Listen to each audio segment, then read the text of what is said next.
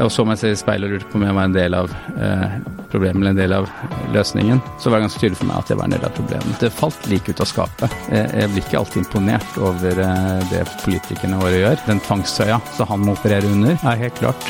Det hadde jeg gjort. Her er Stavrum og Eikeland.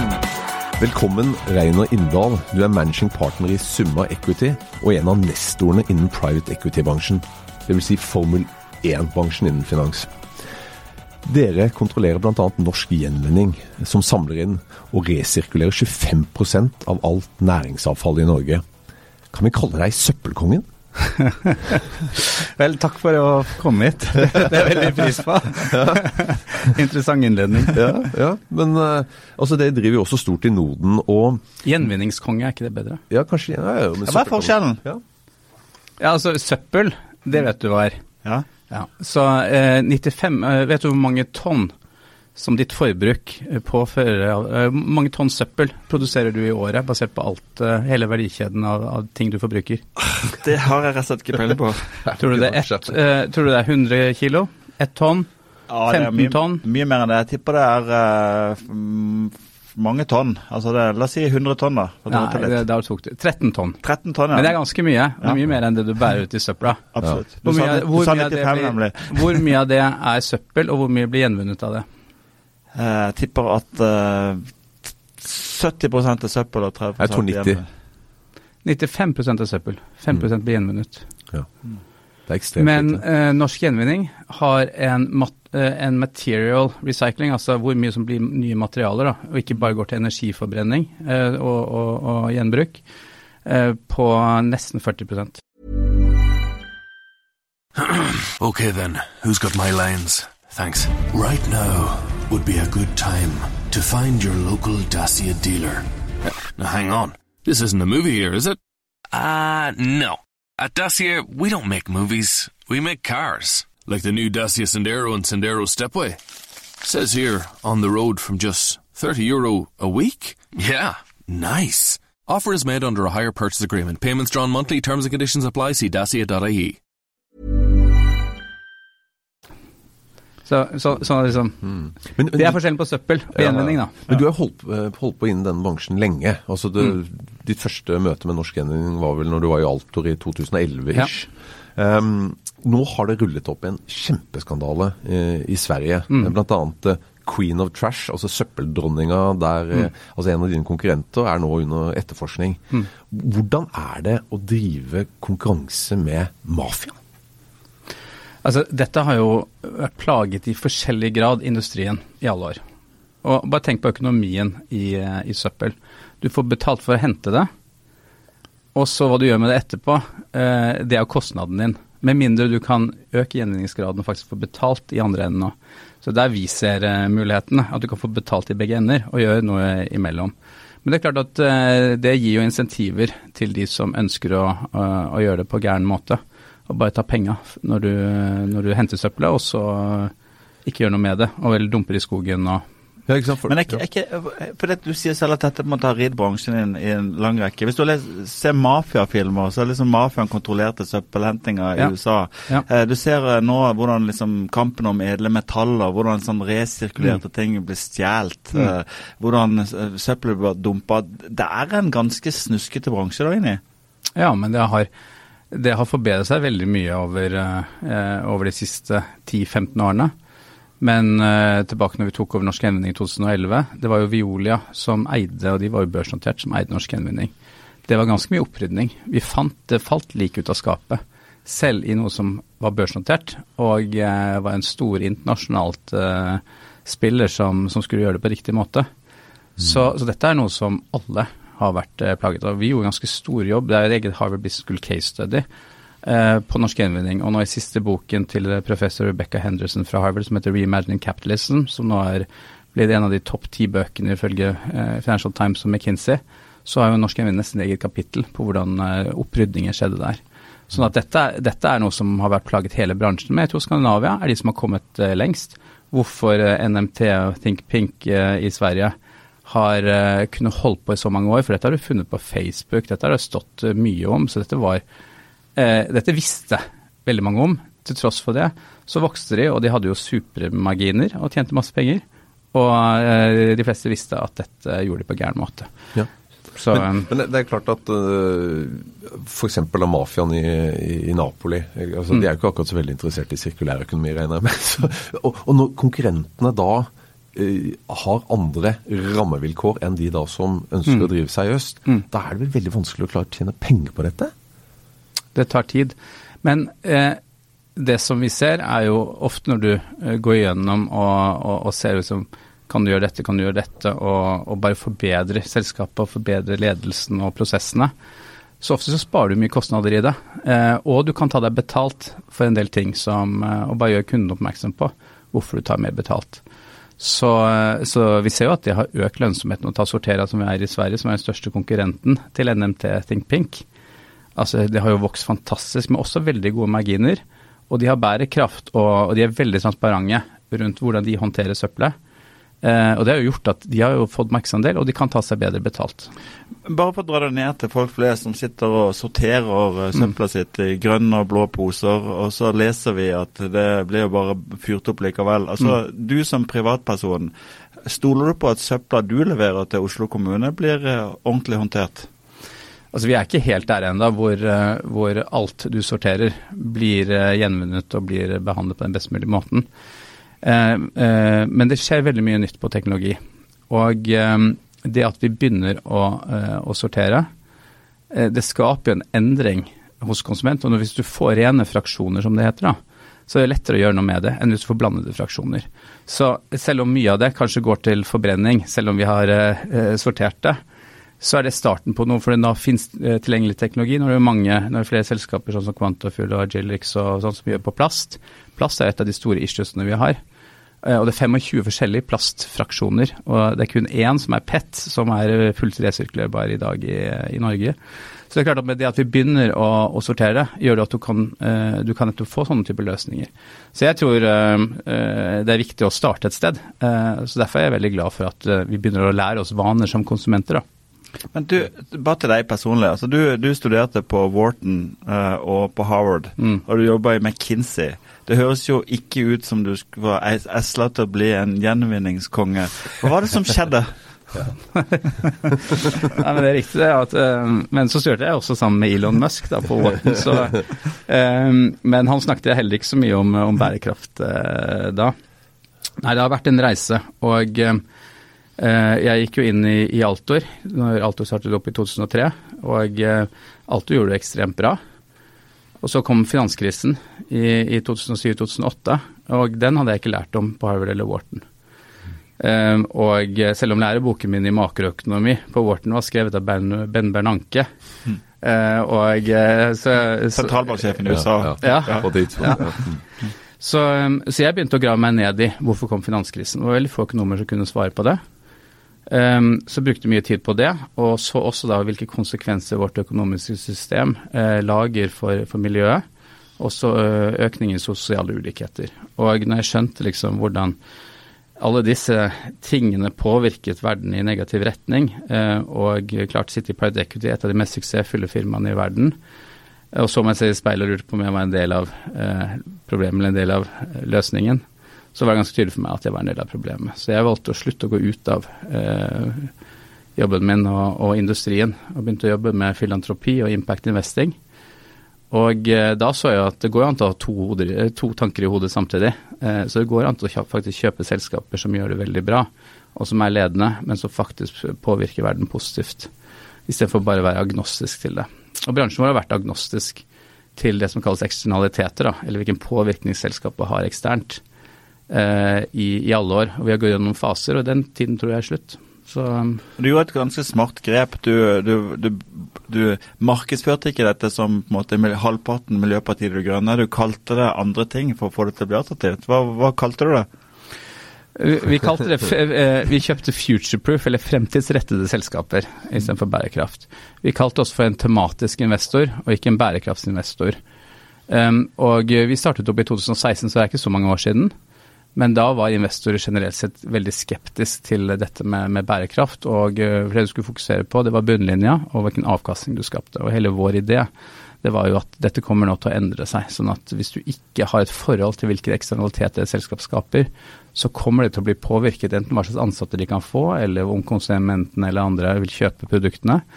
Um, eller hvor mye kapital, uh, hvor mye selskapet blir verdt etter hvert, og hvor mye kapital du klarer å hente inn. Så, eh, så, men eh, vi måtte jo snakke et språk som investorene våre forsto. Vi måtte forklare hvordan vi kan skape avkastning, hvordan vår avkastning kan bli bedre enn andres, eh, andre fond de kan investere i. Jeg fikk en assosiasjon der, fordi at uh, min tidligere sjef uh, Kåre Valbakk i Dagens Næringsliv sa om en, jobb, en dame som jobber på økonomiavdelingen, at hun gjorde mye vondt i det stille. Du gjør mye godt i det stille. ja, men sant, vi, Impact investing og, og, og responsible investing fantes jo også i 2016. Så, men det var for eh, de investorene som var spesielt interessert i det. Vi ønsket å få mainstream-investorer. Vi har noen av de beste investorene i verden, noen av de største. Alt fra en del amerikanske universiteter, store pensjonsfond, noen av de ledende investeringsbankene. Så vi måtte snakke et språk uh, som, uh, som, de forsto, og som la vekt på hva er logikken. Så vi går fra 7 til 10 milliarder mennesker. Vi går tom for en del ressurser. Så det er klart at laksebransjen er ganske bra å investere i. De har vokst over 10% i året i ganske mange år. De kommer til å fortsette å gjøre det. Vi må. Og det er en mer bærekraftig måte, og det er bedre enn rødt kjøtt. Og det er ikke så mye CO2-utslipp. Ja, de skaper noen problemer for eh, livet under vann. Eh, men det fikser vi i Norge med regulering av ny teknologi eh, og fokus på det. Derfor investerer vi i, i den bransjen. Så vi, Et område kaller vi for ressurseffektivitet. Og Det er jo søppelgjenvinning, det er laksebransjen, sirkulær økonomi. Og det er nettopp fordi vi, går, vi, blir flere mennesker, og vi går tom for ressurser. Og vi må finne bedre måter å gjøre dette på. Alle var enige i det. Så det var ikke sånn De skjønte hvorfor at her kom til å være vekst i disse, dette er interessante bransjer å, å, være i. Det andre er at uh, vi blir eldre og sykere. Uh, det er veldig mange mennesker som beveger seg, både over landegrensen og inn til byen. Så det er klart at alt uh, innom helse, sikkerhet, utdannelse, Eh, er jo fornuftige ting å investere i. Så det er det vi kaller for, for endringer endring i demografi, som er vårt tema nummer to. Og da nikket vår investor ja, det virker logisk.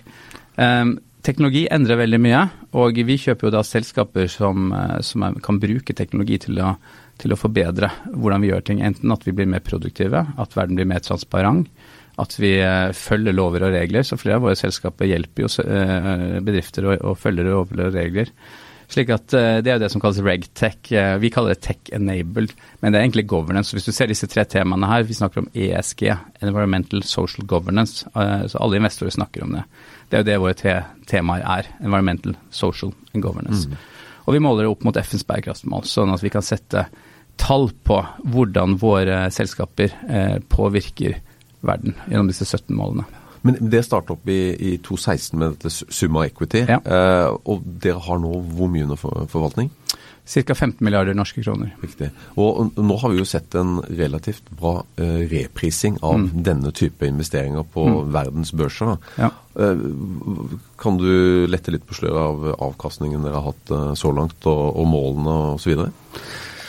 Så langt så, så ligger vi i, i, øverste kvartil av private equity-fond eh, globalt. Så vi har en avkastning på over 20% i året.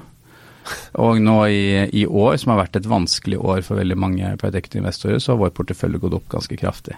Det er både for at resultatene i, i selskapene våre Um, har gått opp, uh, men også fordi at de sammenlignbare selskapene, vi ser på prisingen på børsen, har også gått opp. Så vi har fått liksom en positiv effekt på både bunnlinja og hvor mange ganger du ganger bunnlinja med ja. eh, i multipler. Men du snakka om at dere har jo noen av de, de største universitetene i USA som, ja. som, investor og eh, investeringsbanken og sånt. Men mm. for oss dødelige som, som, er langt unna den verden, hvordan kan vi klare å få eksponering mot, mot Summa? Er det, er det mulig? Nei, det er, det er, dessverre ikke det. Altså, vi er jo sterkt regulert um, ja. um, av finansekspeksjonen, og um, det er en minimumgrense Eh, så vi er nødt til å henvende oss til profesjonelle investorer. Mm. Og da, er det et, eh, da må det opp i en ganske stor sum. Riktig. Er du i tvil om at eh, klimaforandringene er menneskeskapte? Nei, det er jeg ikke. Um, jeg, nå så jeg i går kom jo David Attenborough ut med, med filmen sin 'Life on Our Planet'. Eh, det som er det større issue eh, for meg, er også hvordan vi destruerer hele vårt økologiske system, som vi er avhengig av. og hvordan naturen går til grunne, og diversiteten økologisk. Så dyrelivet. Så vi har jo i hans levetid så har vi redusert det fra 65% wildlife til nå 35% så det er jo en ganske stor destruksjon i løpet av ett år. Så det er klart at, Eller et, et, et, en livstid. Så CO2-klimaforandringene er jo reelle, og jeg tror det er menneskeskapt. Men det, er, det vi ikke snakker så mye om, det er jo hvordan hele, vi ødelegger hele livet på planeten vår, og alt vi er avhengig av. Altså, du kan diskutere om det er menneskeskapt eller menneskepåvirket, men ja. i hvert fall så har jo CO2-utslippene påvirkning på klimaet. Mm. Hvordan forklarer du at oppegående folk, noen til og med sivilingeniører, og noen de har jo lest liksom litt, allikevel ikke tror på den sammenhengen? Altså I absolutt termen så er det jo små, uh, små endringer så langt. Det er jo veldig lange sykler. Um, det er klart at uh, den CO2-en vi slipper ut, er en ganske liten andel av den totale CO2 i hele økosystemet. Uh, så det er Jeg kan godt forstå at det settes spørsmålstegn ved det, og om vi måler riktig om Modellene har jo tydeligvis vært feil, for vi har ikke klart å predikere den utviklingen. Så um, ja, men jeg har ikke noe godt svar på, på, det, egentlig. Så de er ikke tjukke i huet eller uh, onde mennesker? Det er faktisk mulig uh, å stille ja. spørsmål? Men det, sånn er det jo. Du ser jo på mange ting så er det forskjellige narrativer. Mm. Så man velger jo et narrativ som man tror på. og det, det, er alltid plusser og minuser, man kan sette spørsmålstegn med de fleste narrativer.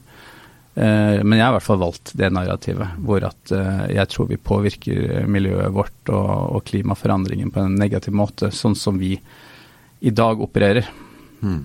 Men, men, altså, det er jo mange som snakker i store ord, og det gjør du også. Mm. Men, men, det er jo da også noen som handler, og det virker som at det gjør du også. Eh, og du snakket om disse dyrene og David Attenborough, mm. at det er blitt veldig mange færre eh, enn tidligere. Eh, hva er det du gjør nede i, eh, i Afrika? Der har du et konkret prosjekt som bl.a. er med på å, å redde dyrene eh, på savannene der nede. Kan du fortelle litt om det? Jeg er jo blitt stor Afrika-entusiast når jeg først var der nede og, og opplevde dyrelivet.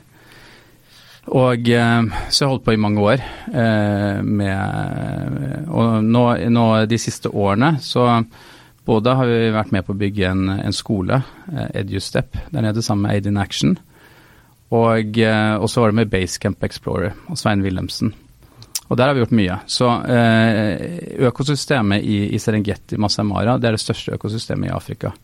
40% av alle pattedyr er i det økosystemet. Altså og, i, i, verden? Eller i Afrika? Ja, Godt spørsmål. I hvert fall ja. i Afrika. Ja, ja, jeg tviler på at det er i verden. det er, det er. Um, og eh, de er avhengig av en runddans, som er den store migrasjonen. Eh, men eh, veldig mye av tiden så beveger seg ut av Serengeti Masai Mara. Og dette er nå blitt privat land, hvor, eh, hvor Masaiene har fått eiendomsrett, det har satt opp gjerder. Og det hindrer hele, hele, migrasjonen. Så hvis det hadde fortsatt på den trenden det var, så i løpet av ti år nå, så ville ikke migrasjon finne sted. Det er det største og viktigste økosystemet ødelagt. Så vi har vært med på å gå inn og leie en del store korridorer gjennom disse privatlandene, ta ned gjerdene, slik at denne runddansen kan fortsette. Eh, og så er vi også med på å, å bygge, gjenskape urskogen eh, i Masamara, altså eh, plante trær. Og det, det, er trær som er der nede fra, og det blir satt sammen slik at du skal føles som du er i den gamle skogen. Um, og vi har også uh, vært med på å starte en camp sammen med, med Basecamp Explorer. Og det er kun masaier og de som er lokale der, som, uh, som får ansettelse der. Så vi har også vært med på å skape arbeidsplasser uh, og det, Eh, og sånn sett bidra positivt sosialt. Det, det, er veldig interessant eh, det du sier. Det er interessant også å nevne Svein Wilhelmsen, som jo også har en bakgrunn fra finans. Ja. og Hopper av og på en måte ja. jobber med, med masaier og, og mm. migrasjon. Eh, det er ikke alle hvite menn som pusher 50 som eh, er eh, skrekkeksempler, da? Altså Svein er jo, er jo en, en foregangsfigur for meg, og en mentor. Eh, så jeg har lært veldig mye av han. Eh, men det handler jo om det at man kommer til et punkt i livet, som jeg også gjorde, hvor man stiller seg det spørsmålet eh, ønsker man å være en del av løsningen, og hva, hvilke, hvilke, problemer brenner man for? Og så går det og gjør noe. Så, så, sånn sett har jo Svein virkelig vært en hjulpet meg på min reise. Så jeg går litt i hans fotspor tankemessig på en del ting. da.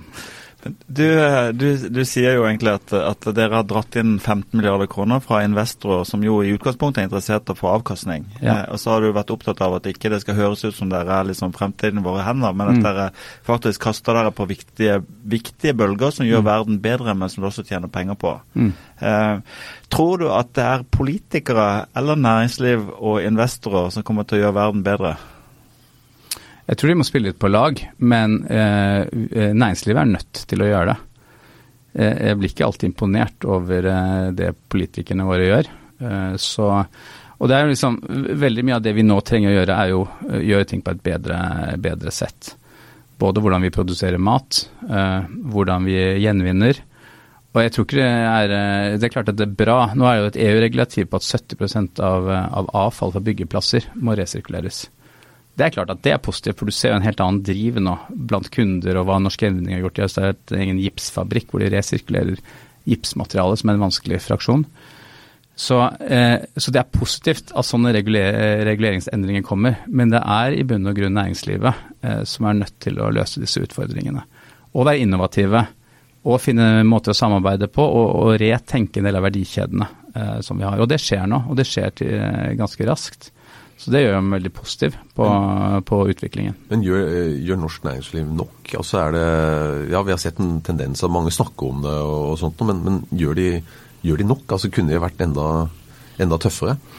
Altså, jeg er ganske optimistisk på både Norge og Skandinavia, for jeg syns vi ligger langt foran på tankesettet og, og hva vi gjør. Eh, så hvis du ser på en del andre land, så vil jeg si at vi er noe av de mest innovative rundt uh, sirkulærøkonomi generelt sett. Eh, og reguleringen er kommet langt. Jeg ser også investor mindsettet i, i Skandinavia eh, ligger langt foran andre land. Eh, Nederland er et veldig bra eksempel også.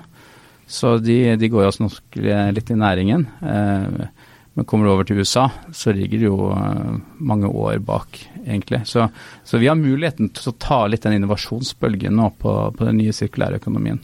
Men de, de, som er redde for, eh, for norsk økonomi, da. altså vi, mm. vi, Fortsatt tjener vi jo gode penger på denne olja vår. Mm. Eh, og det skal vi jo i utgangspunktet gjøre i mange, mange år til. Um, men Er den skepsisen berettiget? At hvis vi nå tar dette grønne skiftet ordentlig raskt, så plutselig så, så har vi ikke mer inntekter? Nest største industrien vår er jo lakseindustrien. Mm. Og den vokser jo bra, og det er veldig mye nyteknologi. Nå snakkes det om landbaserte anlegg etc. Vi, vi, var jo gjennom dette med oljenæringen nå, hvor vi, vi ble ledende internasjonalt på, på, dypt vann og teknologi rundt det. Eh, det samme gjør vi jo nå eh, på laksesiden f.eks. Mm. Så jeg tror at eh, vi, har, vi har et godt utdannelsessystem. Vi er en ganske likt samfunn.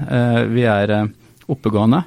Så jeg tror at uh, vi har absolutt mulighetene til å, å, tenke nytt og være med på de nye vekstområdene. Mm. Kanskje gikk vi litt glipp av dotcom-bølgen. Uh, så du ser De store selskapene, Fang-selskapene er i USA. Hvorfor skal ikke vi kunne Og Skandinavia har blant de høyeste antall unicorns per capita.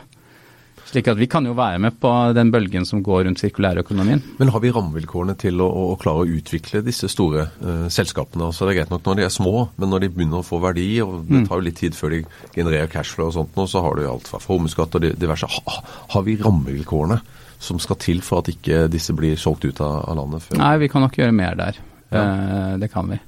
Så det har vært alt fra liksom opsjonsordninger altså Du trenger jo å insentivere eh, de innovative og de ansatte. Eh, og, eh, så vi trenger å ha bedre mekanismer for å gjøre til det. Um, jeg har jo møtt med flere oppstartsselskaper og, og investert privat i noen av de. Og jeg ser jo Innovasjon, Norge er veldig mye med nå på å bidra. Så I løpet av de siste par årene så føler jeg at vi har blitt litt mer framoverlent, og det må vi. Altså Tidlig fasekapital og insentivordninger, det trenger vi å, å forbedre skal vi klare å, å hjelpe fram disse, disse, selskapene. Vi har ikke et like aktivt tidligfase investormiljø i, i Skandinavia som det man har i USA. Mm.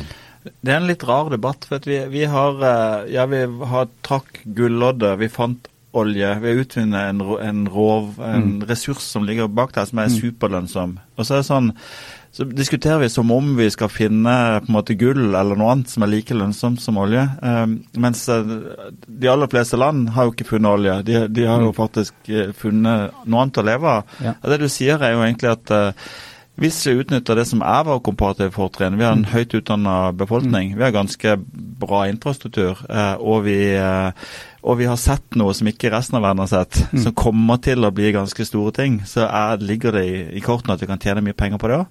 Ja, jeg tror eh, vekstmulighetene er enorme. Mm. Det skal jo 7 trilliarder dollar inn i, i sirkulærøkonomien og, og de endringene som skjer. Uh, og vi ser jo nå hvor, hvor, mange internasjonale investorer nå som kommer på Merkur og, og andre steder og vil investere i sånne typer aksjer. Det, altså det er, uh, Alle ser at de neste 10-20 årene kommer det til å være betydelig vekst i, sirkulær økonomi. Det finnes ganske få selskaper, og det er noe emerging teknologi etc. Men det var jo litt sånn som dotcom var i, i, rett før 2000-tallet. Og vi ser jo hva som har skjedd etterpå. Det har jo forandret verden. Uh, og vi er i den fasen der òg. Så det er klart at uh, nå er det veldig mye, uh, mye, kapital som skal inn. Det er ganske få objekter å få. Men det skaper jo en mulighetsrom som er enorm, hvis vi faktisk bruker vårt komparative fortrinn. Mm. Og den ledende posisjonen vi har innenfor en del av de områdene, om det er gjenvinning, eller om det er lakseindustrien, eller om det er helse. og der har vi faktisk, der er vi ledende på en del områder, både i Norge og i Skandinavia. To oppfølgingsspørsmål. Det ene er eh, litt uh, politisk komplekst. du studerte jo sammen med Nicolai Tangen, eller i hvert fall gikk han også på mm. Vi er jo verdens største agnostiske investor. Vi sprer jo pengene rundt omkring på alle mulige slags selskaper. Ja. Uh, du beskrev jo før uh, vi begynte å snakke sammen en slags utvikling av private equity mm. som gikk fra agnostisk til å Eller i hvert fall din utvikling gikk fra å være liksom undrende til å tro på noe.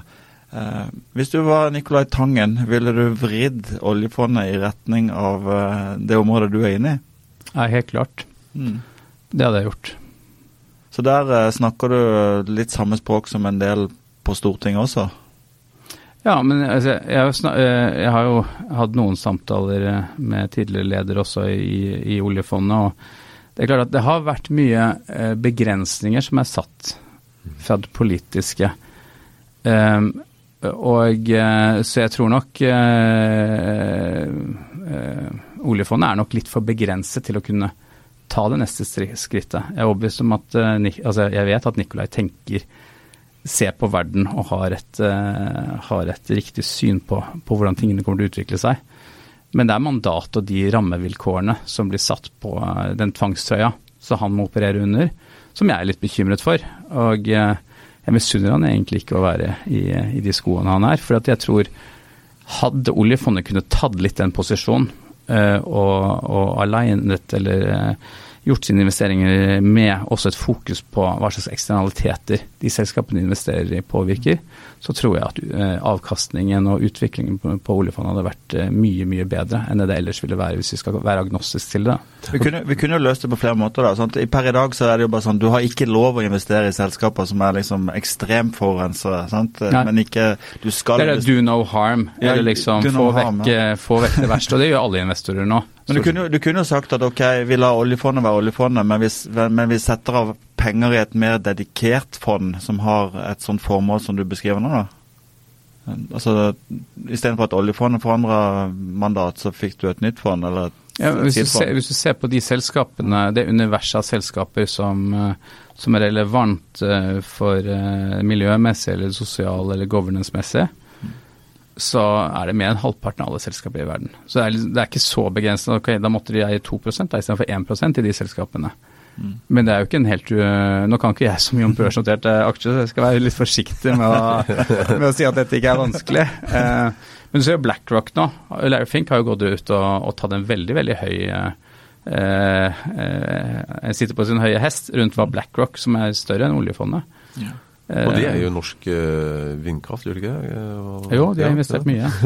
mm. Ole, Ole du, får, du, får, du, får, lov til å avslutte, men jeg, men jeg tenkte å spille et spørsmål til. nemlig det, Vi snakker hele tiden om at vi er så høyt utdanna, men en ting som jeg undres over, det er hver gang det kommer sånn internasjonale rankinger av, av utdanningsinstitusjoner, så er vi liksom superlykkelige hvis Universitetet i Oslo er på 80.-plass liksom globalt. Altså, Hvorfor har vi ingen verdensledende institusjoner på, innenfor høyere utdanning i Norge. Du har jo selv gått da på Wharton og Harvard, og mm. mener vel at de to institusjonene er vesentlig bedre enn Ja, men jeg tror, jeg tror, det viktigste for å få eh, hvorfor vi har kommet så langt og, og får det så bra til, det er bredden i utdannelsen, og det at alle eh, kan være med. Alle får, altså, jeg, jeg, jeg kunne jo gå på eh, Wharton og Harvard fordi at jeg hadde vært gjennom det norske utdannelsessystemet. Så det er, jo, det er jo der jeg tror at eh, en del andre land som, som USA og andre går helt feil. Og, og, hvilken unikhet vi har i Skandinavia med, med, vårt eh, system. Det er nettopp å få med alle, og bredden i vår utdannelse. Og eh, den trenger å være god nok. Og vi kan sikkert gjøre det bedre på, på skolen, hvor, hvor, bra skolene våre er og hvor, hvordan vi driver det. Eh, men jeg syns vi har et fantastisk utdannelsessystem i Norge.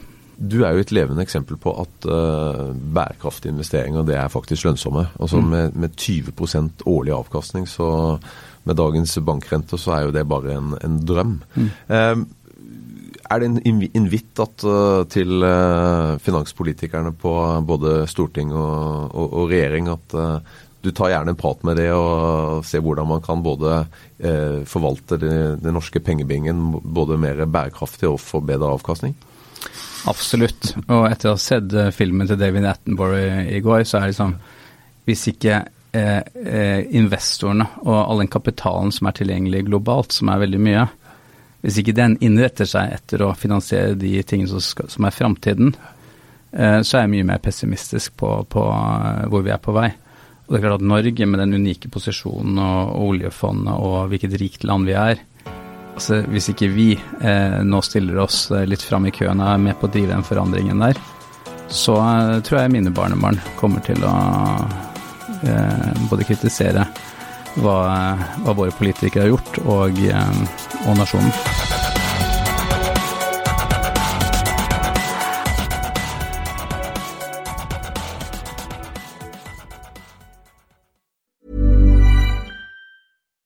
There's not a minute to lose when you want your home to be as safe as houses. So get safe and save too with a big 40 euro reward and great value home insurance cover. All it takes is one big click or call. Just visit supervalue.ie slash insurance or call 0818 010101 and our SuperValue team will save the day. Now let's get moving. Terms and conditions apply. 40 euro in rewards includes two 10 euro off 40 euro vouchers plus 2,000 real rewards points equivalent to 20 euro. Offer excludes contents only policies and is valid until 28th of February 2022. This home insurance is underwritten by AXA Insurance DAC. Super Valley Financial Services DAC trading Super Value Insurance is regulated by the Central Bank of Ireland. Let's make today a good day. Let the shutters up and the stock arrive. Let the team know I couldn't do it without them. Let me give it my all. Let's do ourselves and the business proud. Right. Let's get to work. At AIB, we see Brave and we back it, with specialist teams dedicated to your business needs.